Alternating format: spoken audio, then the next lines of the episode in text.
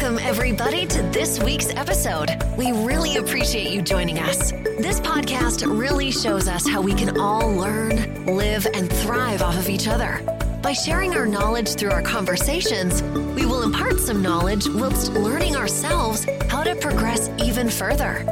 Here is your host,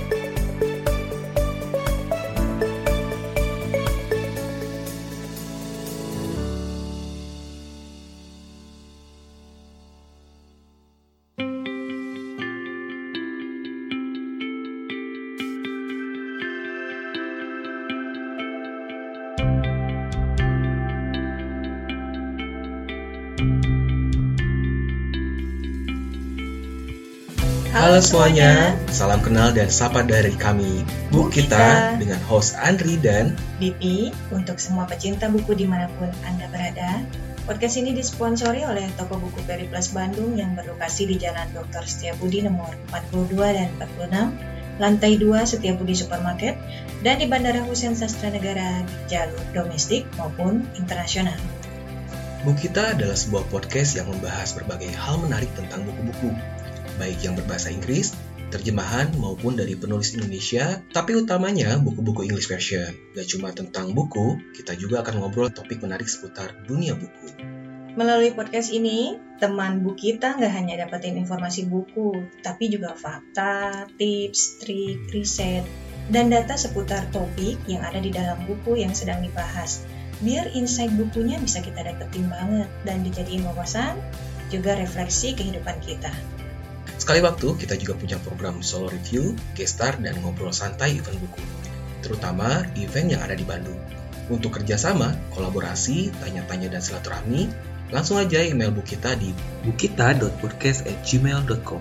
Kalau kalian suka konten podcast ini dan merasa podcast ini bermanfaat, tolong share juga di IG story kalian atau media sosial kalian lainnya.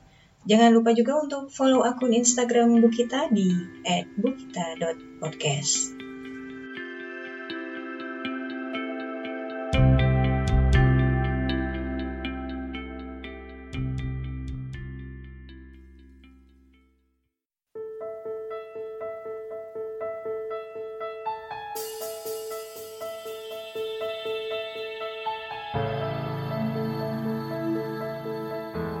Episode kelima ini, Bu kita mau ngebahas satu buku hits dari penulis buku-buku yang hype hingga menjadi New York Times bestseller dan diadaptasi ke dalam film. Genre-nya horror literary dan ditulis oleh seorang penulis yang sangat populer dan banyak fansnya, bahkan fans fanatik ya. Buku apa itu? Tak salah lagi, ini dia buku If It Bleeds dari Stephen King.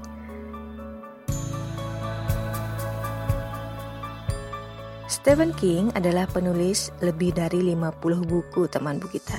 Semua buku terlarisnya uh, ini ada di seluruh dunia, diterjemahin ke dalam berbagai bahasa. Termasuk di antaranya yang judulnya Under the Dome, seri The Dark Tower, dan End of Watch. Banyak buku King telah diadaptasi menjadi film dan serial televisi terkenal, termasuk Misery dan The Show Hang, Hang Redemption ya. Film It yang diadaptasi dari novel dengan judul yang sama ini dirilis tahun 2017 jadi sekitar tiga tahun lalu ya. King adalah penerima America's prestigious 2014 National Medal of Arts and the 2003 National Book Foundation Medal atas kontribusi istimewanya bagi Amerika pada 2007, ia juga memenangkan Grand Master Award dari Mystery Writers of America.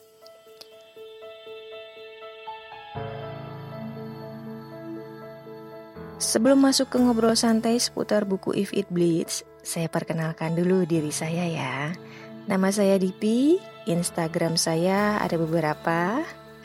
Uh, ada DPDIV Official, DPDIV underscore talk, dan di PDF underscore snackbook. Saya pecinta buku dari kecil teman bu kita. Profesi saya ada di bidang edukasi. Saya seorang edukator. Saat ini saya menjadi pengulas buku-buku Periplus Bandung, an official book reviewer. Untuk teman-teman yang ingin tahu lebih banyak tentang saya dan buku-buku yang saya review, bisa berkunjung ke personal blog saya di dpdiv.com. Oh iya, episode kali ini kita nggak menghadirkan Kak Andrea sebagai host. Jadi saya lagi bersolo karir nih ceritanya. Tapi jangan khawatir buat teman buku kita yang kangen dengan gaya ngocolnya Kak Andri saat mereview buku, ini bisa tetap mendengarkan episode solo beliau di channel buku kita ini.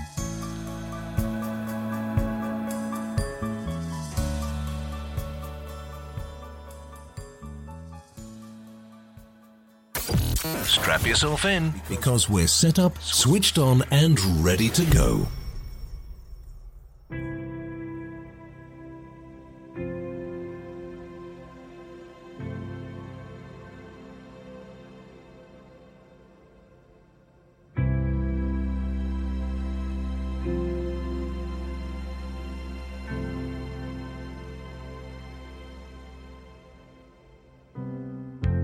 Kehidupan di dunia itu ibarat harmoni yang penuh keabsurdan dan misteri.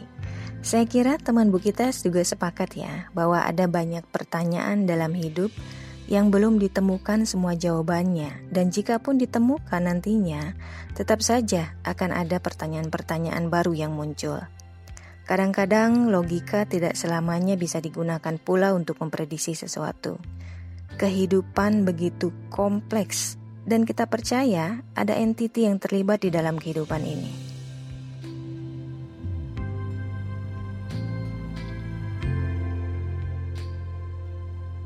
Bagi saya, kehidupan itu indah dengan segala ketidaksempurnaannya dan semua keberagaman yang ada. Coba bayangkan kalau dunia ini isinya sama, dijamin monoton dan datar. Tapi pernyataan barusan gak berarti kalau saya menyukai konflik apalagi perang hanya karena saya gak suka hal-hal yang monoton dan datar ya. Justru saya kira kita sepakat bahwa keberagaman yang sering kali menjadi salah satu isu sensitif baiknya disikapi dengan bijak dan diminimalisasi friksinya. Ngomong-ngomong soal isu sensitif, teman bu kita, ada beberapa isu sensitif yang perlu jadi perhatian kita Apakah itu? Uh, ada seksualitas, keuangan, perbedaan ras dan agama, kesopan santunan, dan perubahan teknologi. Atau ada juga nih yang lebih familiar mungkin ya. Kita kenal dengan singkatan SARA, yaitu suku, agama, ras, dan antar golongan. Isu ini menjadi sensitif karena efek polemik dan pengaruhnya yang besar di kehidupan masyarakat pada umumnya.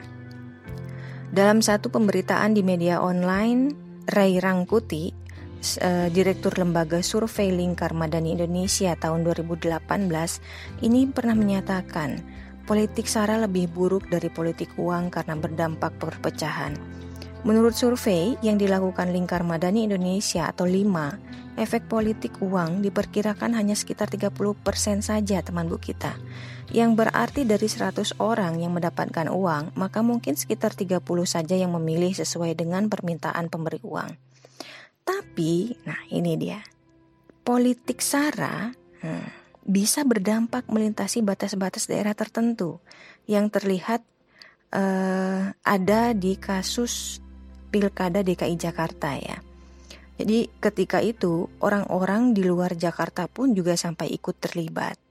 Nah, seperti itulah kekuatan sebuah isu sensitif teman bu kita. Bisa sampai menggerakkan masa yang sangat besar. Ngeri ya kita dibuatnya jika isu sensitif SARA ini digunakan sedemikian rupa untuk tujuan-tujuan yang salah. Salah satunya perpolitikan.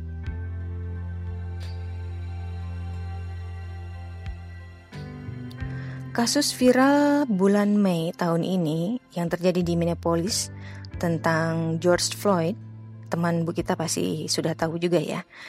Uh, yang mati setelah dianiaya polisi kulit putih yang berujung demo besar-besaran atas isu diskriminasi ras kulit hitam, ini juga menjadi bukti betapa sensitifnya hal ini di mata publik. Tapi saya di sini tidak hendak membahas dunia politik dan sejarah diskriminasi ras kulit putih dan hitam di Amerika ya.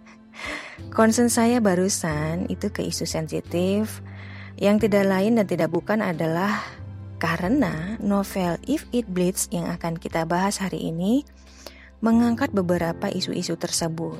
Ingin tahu lebih detail? Yuk tetap di sini di buku kita episode 5 bersama saya Dipi.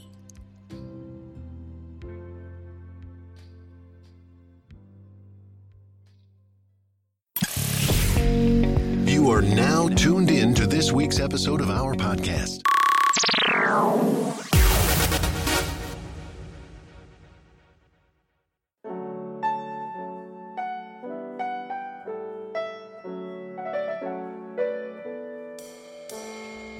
Sekarang saya bacakan dulu ya info buku yang kita obrolin hari ini. Judulnya adalah If It Bleeds. Penulisnya Stephen King. Jenis bukunya horror literary, yakni sebuah genre horor yang serem-serem begitu, tapi dia ada sastranya ya, nyastra. Buku ini diterbitkan oleh Scribner, tahun terbitnya April 2020 Jumlah halamannya 448 halaman. Dimensi bukunya 6,38 1,42 9,37 inci. Jadi fisik bukunya cukup besar ya teman buku kita, besar dan halamannya 448. Kebayang ya.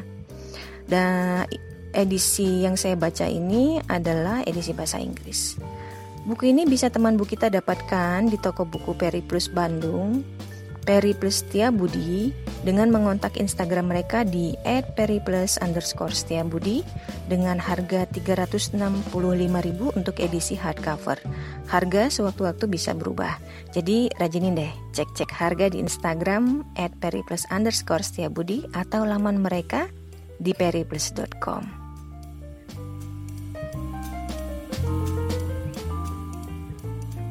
If It Bleeds adalah sebuah novel yang berisi kumpulan novela karya Stephen King. Judulnya sendiri diambil dari salah satu judul novela yang ada di dalam buku ini, teman buku kita. Novela-novelanya judulnya hmm, Mr. Harrigan's Phone, The Life of Chuck, If It Bleeds, dan Red. Ide-ide ceritanya sebenarnya sederhana, tapi Tentu saja, gak ada yang biasa-biasa aja dari karyanya Stephen King. Yang ada adalah sekumpulan cerita yang membangkitkan rasa, membuka wawasan, mengangkat isu penting, dan punya pesan cerita.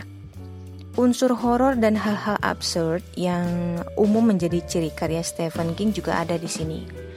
Creepy and touchy, buku ini jadi salah satu bacaan favorit saya bulan ini.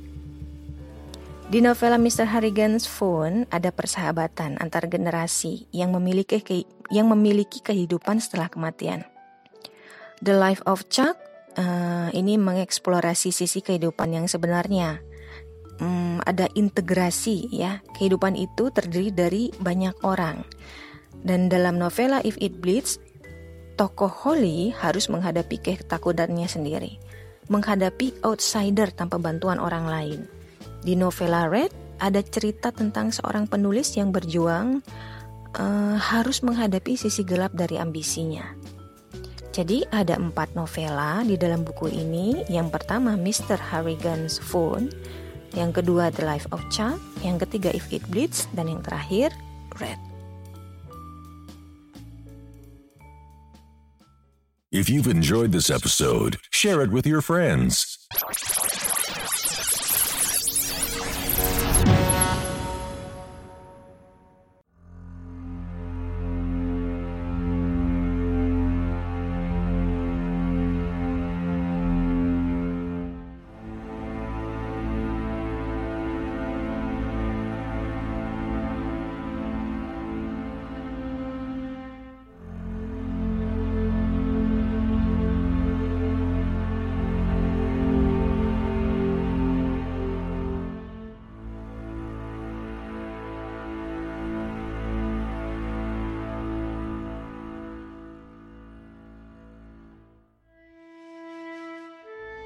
Berikutnya, kita bakal bahas unsur-unsur cerita dalam novel ini.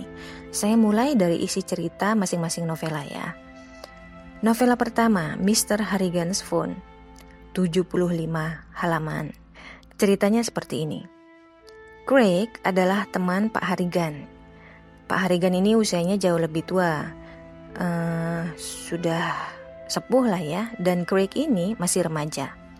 Persahabatan yang tulus ini berlanjut bahkan setelah Harigan tua meninggal. Semuanya dimulai ketika iPhone yang dimasukkan Craig ke dalam saku Pak Old Harrigan ketika dia dimakamkan. Malamnya, Craig menelpon. Terdengar nada sambung dari teleponnya Mr. Harrigan di dalam kuburnya. Ini nggak begitu aneh ya, karena baterainya masih ada. Tapi keesokan harinya ada pesan teks masuk dari nomor tersebut. Novel kedua, The Life of Chuck sekitar 51 halaman ya. Siap dengarkan. Di suatu musim panas, jaringan internet tiba-tiba mati.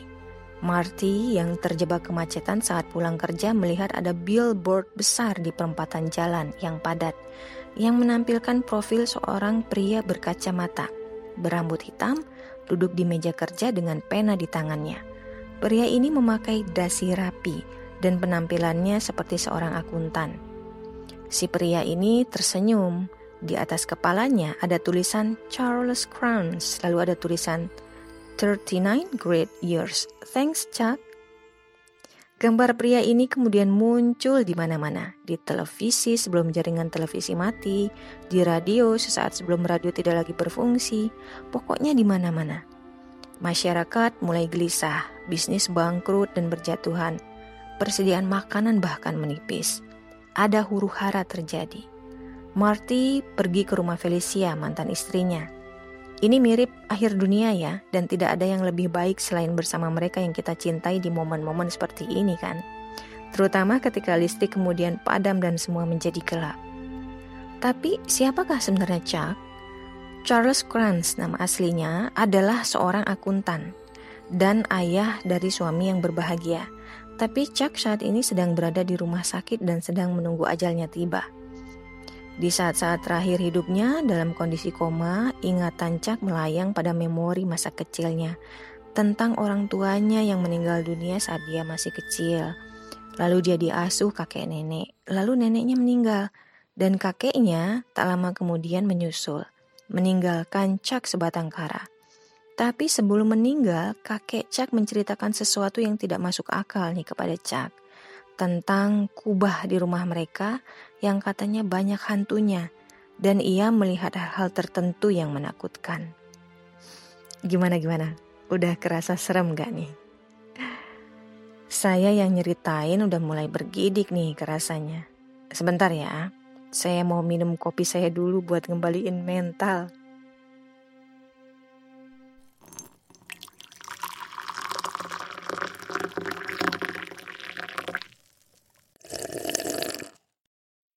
Kopinya apa Kak Dipi?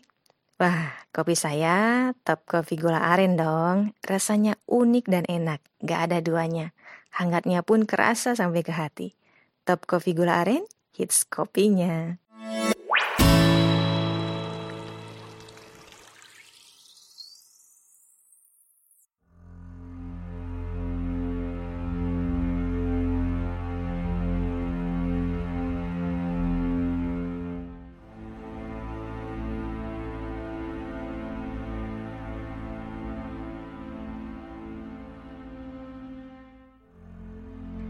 Oke, kita lanjut ke novela ketiga ya. Novela ketiga ini judulnya If It Bleeds. 211 halaman. Prolog dibuka dengan adegan detektif Ralph Anderson yang menerima paket dari Holly pada Januari 2021 disertai peringatan dari Holly. Tahunnya aja belum kejadian nih, kita 2020, dicerita ini 2021.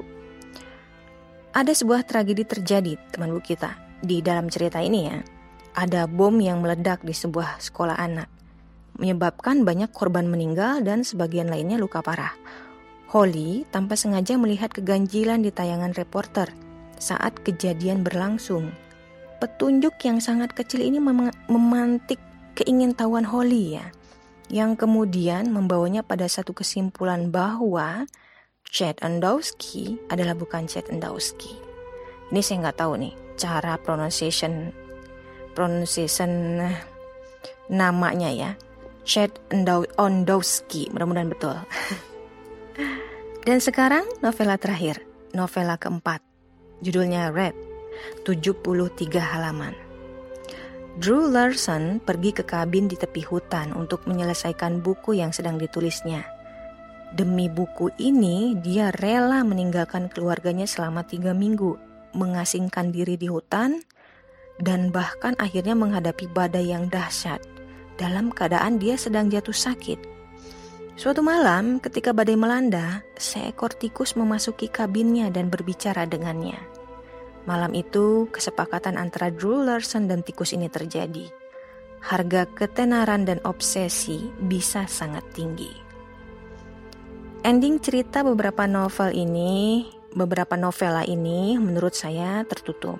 Tapi muatan perenungannya sendiri dibiarkan mendalam. Ya, gaya-gaya literari horor lah ya, sastra-sastra horor gitu. E, latar suasana dan latar lokasinya ini bagus, mendukung imajinasi. Alur cerita novelanya maju dan disampaikan dari sudut pandang orang pertama, tapi ada juga yang povnya orang ketiga. Konfliknya menarik, ada misteri, ada emosi terdalam yang dibangun di tiap konflik. Oh iya, ngomongin soal desain sampul, Uh, jadi selain desain sampul yang dominan putih seperti buku yang saya baca ini, ada juga yang versi hardcover sampul lepas yang ilustrasinya kucing dengan warna dominan oranye nih teman buku kita.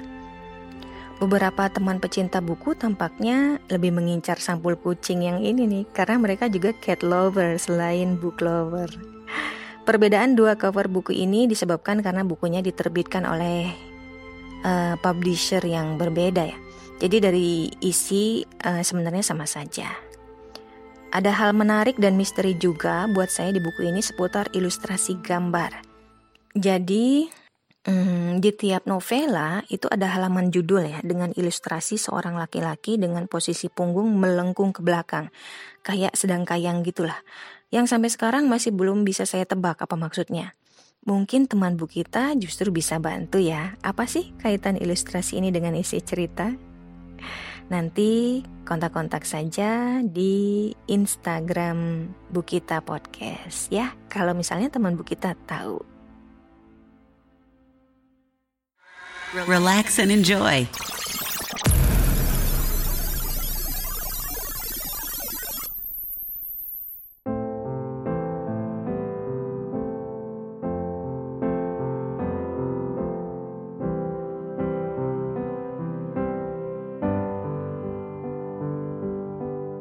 Saya menyukai cerita-cerita dalam buku ini karena banyak hal teman buku kita. Untuk novela Mr. Harrigan's Phone, ada sentuhan kasih sayang yang mendalam yang saya rasakan dari tokoh kakek tua Harrigan ke si anak yang bernama Craig. Hingga dalam kuburnya pun ia masih membela Craig sedemikian rupa. Kasih sayang ini kental terasa dalam cerita meski bagian lain-lainnya sebenarnya cukup horor. Di novela The Life of Chuck, saya kagum dengan keabsurdan cerita. Karena awalnya terasa sangat berantakan dan gak masuk akal. Dan tepat ketika saya merasa stuck dengan jalan cerita, plotnya tiba-tiba membentuk satu pola yang sangat mudah dipahami. Lalu ditutup dengan penyelesaian misteri dan perenungan mendalam berfilosofi kehidupan, yakni tentang ketidakpastian episode kehidupan itu sendiri.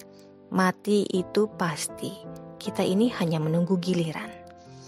Misteri yang ada di novela ini juga cukup membuat uh, saya bergidik ngeri ya.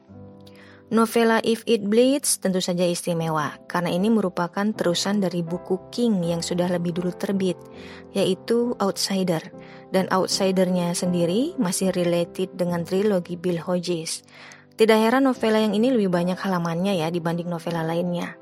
Di If It Bleeds, saya mendapatkan gambaran seperti apa sih alaminya sifat-sifat iblis kejahatan yang memang lahir dari hati, the nature of evil. Endingnya sendiri lumayan berplot twist dan bagian di mana Holly memutuskan untuk bertemu muka dengan si outsider dan mengkonfrontasinya dengan berani itu juga di luar dugaan saya. Untuk novela Red, saya tajub dengan ini ya uh, pola pikir seorang penulis ambisinya, tantangannya, resiko yang diambil itu bisa begitu besar demi sebuah buku yang sedang ditulis. Di buku ini juga terasa sekali bahwa pengetahuan Stephen King akan buku dan penulis uh, terasa begitu kaya ya, karena narasi dan dialognya yang berisi tentang hal itu. Contohnya saat tokoh Craig uh, di novela Mr. Harrigan's Phone membaca novel Agatha Christie, ada pendapat tertentu yang disampaikan. Dan saya penasaran ya, mungkinkah ini memang opini King yang ia tuangkan dalam bukunya? Sebagai penggemar Agatha Christie, saya setuju bahwa karya-karya Agatha Christie memang berkelas dan melegenda hingga sekarang. Betul-betul sepanjang zaman. Stephen King selalu berhasil mewakili cara kerja dunia atau kehidupan yang penuh misteri. Ada kekuatan-kekuatan di luar nalar manusia dan misteri kehidupan yang hingga kini belum sepenuhnya ditemukan jawabannya. By the way, Jangan lupa dibaca juga bab author's note-nya ya, karena di bab ini ada info-info menarik tentang hal ikhwal, ide-ide novela yang ada.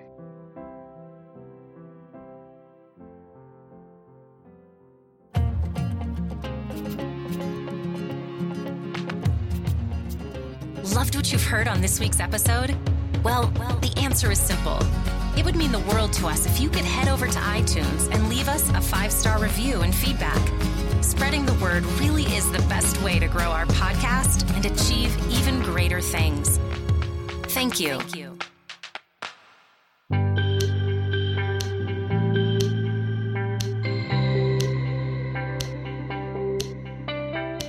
Teman buku kita, sampailah kita akhirnya pada kesimpulan buku ya. Saya secara pribadi menyukai buku ini dan menurut saya buku ini sangat layak baca. Buku ini saya rekomendasikan kepada para pecinta karya Stephen King, terutama yang mengikuti seri Bill Hodges dan sudah membaca Outsider, juga para penggemar genre literary horror. Setiap novela yang ada memiliki pesan cerita yang mendalam. Ada kisah persahabatan, ambisi, ketakutan, horor, misteri, kejahatan yang meski absurd tapi sebenarnya punya pola cerita yang jelas. Isu-isu penting yang diangkat berupa teknologi canggih, perisakan, rasisme, terorisme, dan kematian.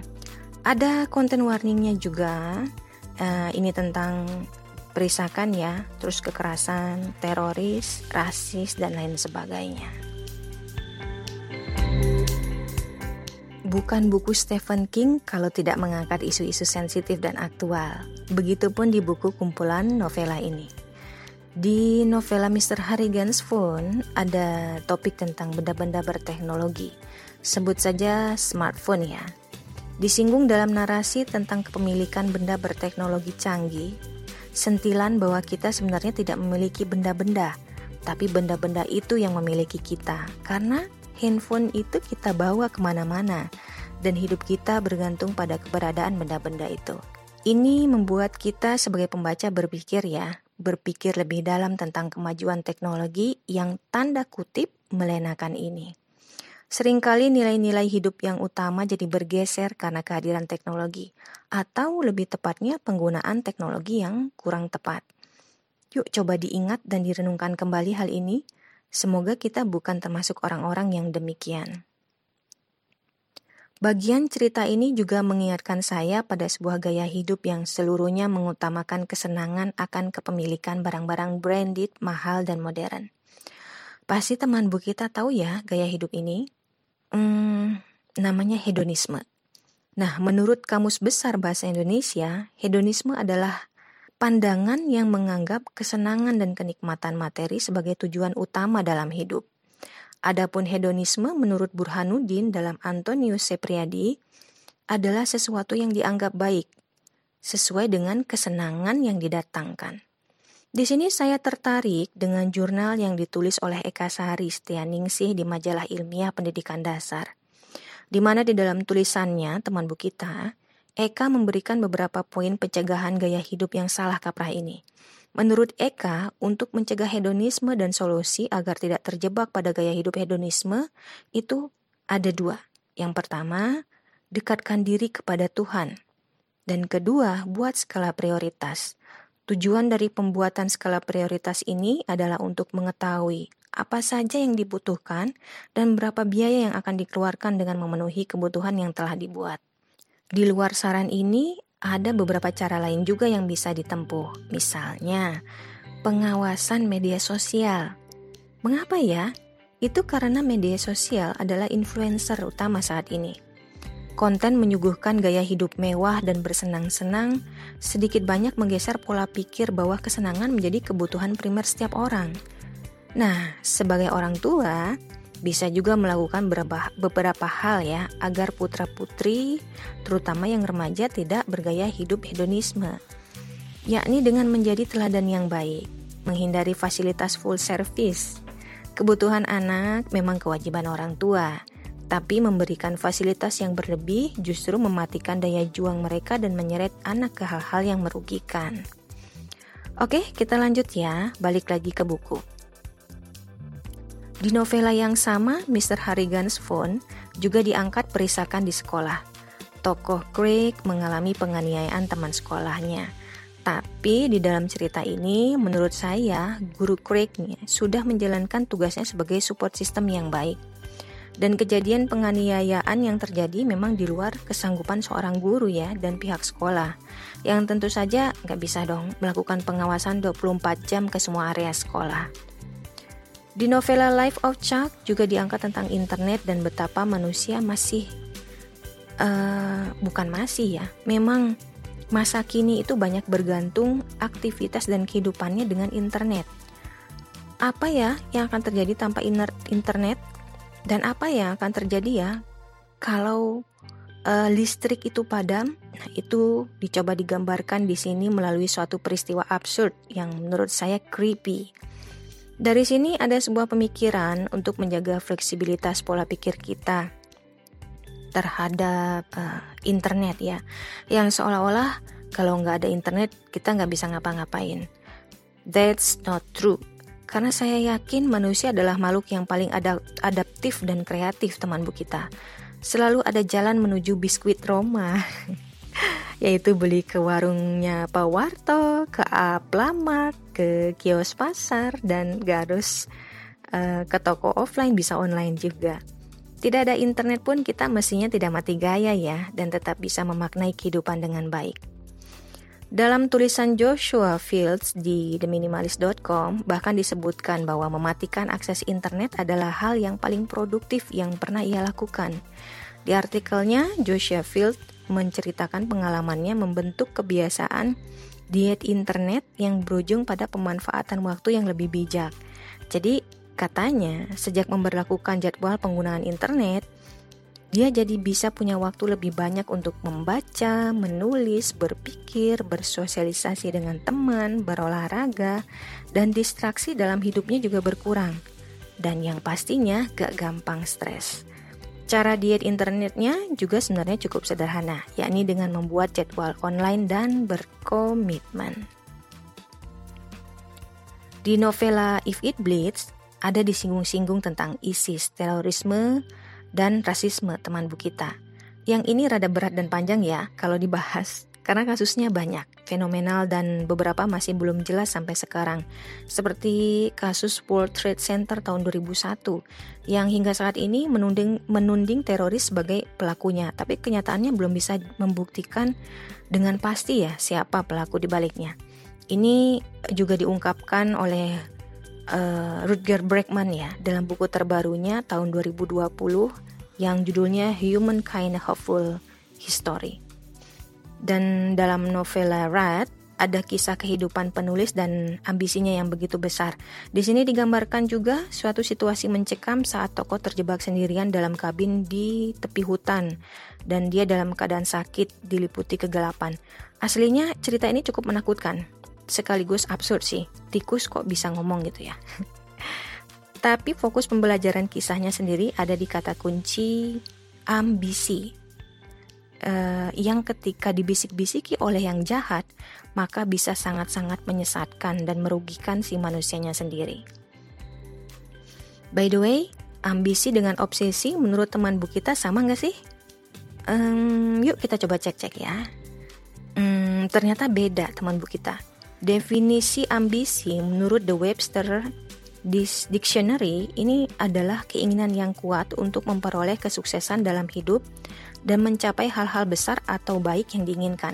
Sementara obsesi adalah ide, pikiran, bayangan, atau emosi yang tidak terkendali, sering datang tanpa dikehendaki atau mendesak masuk dalam pikiran seseorang yang mengakibatkan rasa tertekan dan cemas. Bahaya ambisi adalah ketika seseorang meraih ambisi yang bersangkutan sering memaksakan diri. Berambisi perlu untuk jangan sampai terobsesi teman bu kita. Lalu, apa nih saran terkait ini? Kalau begitu, mari kita simak sebuah tulisan dari Desi Damayanti di IDN Times ya, yang menurut saya cukup berkesesuaian dengan topik ini. Untuk bisa mengendalikan ambisi dalam diri, ada caranya. Satu, menyadari bahwa ada ambisi di dalam diri. Kendali hanya bisa kita lakukan jika ambisi tersebut kita kenali bentuknya. Lalu, dua, fokuskan ambisi tersebut untuk tujuan mulia. Perbaiki niat teman bu kita arahkan ambisi untuk kebaikan bagi diri kita dan orang lain. Misalnya, ambisi jadi pengusaha sukses, maka jabarkan tujuan kesuksesannya apa? Untuk membantu orang tua, keluarga, anak yatim, dan lain sebagainya. Misalnya, banyak pesan cerita yang bisa dijadikan refleksi kehidupan di buku ini, mulai dari persahabatan hingga menghadapi ketakutan, dari bahayanya ambisi hingga efek teknologi. Jadi, menurut saya, If It Bleeds adalah buku yang berhasil di genre literary horror.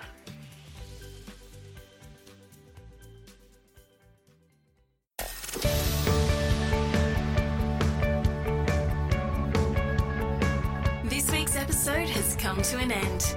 But the fun doesn't have to stop here. If you have any questions, suggestions, or feedback, head over right now to Twitter and Facebook and like, share, and get involved. Join us next time.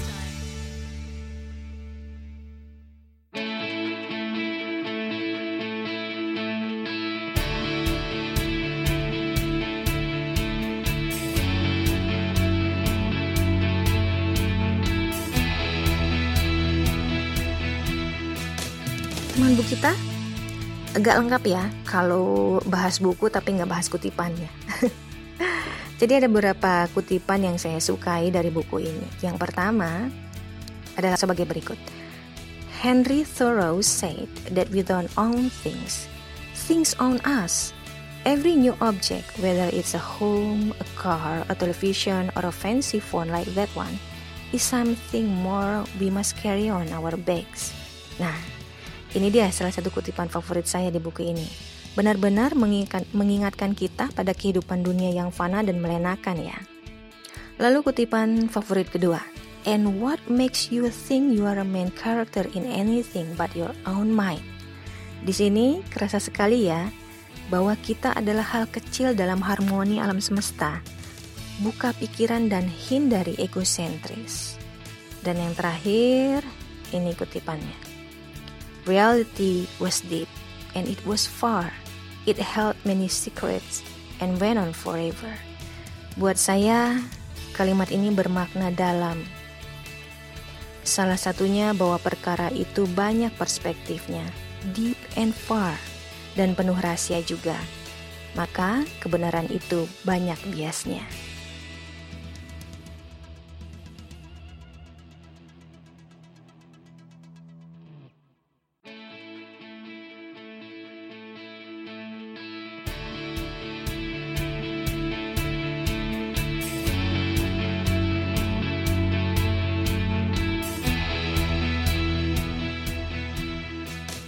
Demikian bincang santai kita di Bukita episode hari ini. Jangan lupa follow akun Bukita di Spotify dan Anchor.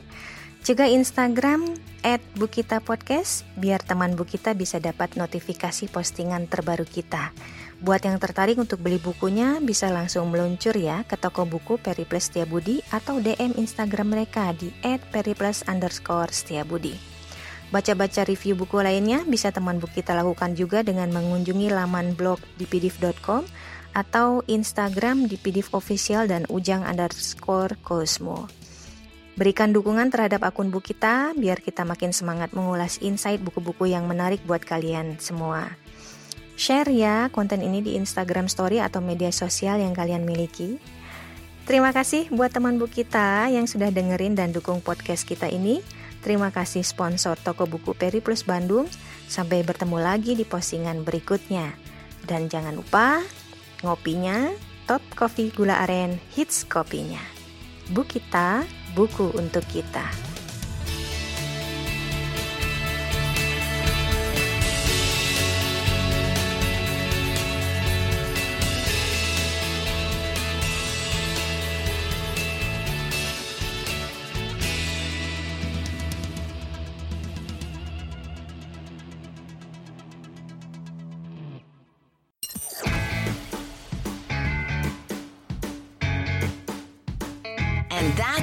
This week's episode. Add us to your podcatcher or on iTunes now so that you can make sure you never miss out on another second of our wonderful podcast. We would hate for you to miss out. Have a great week, everyone.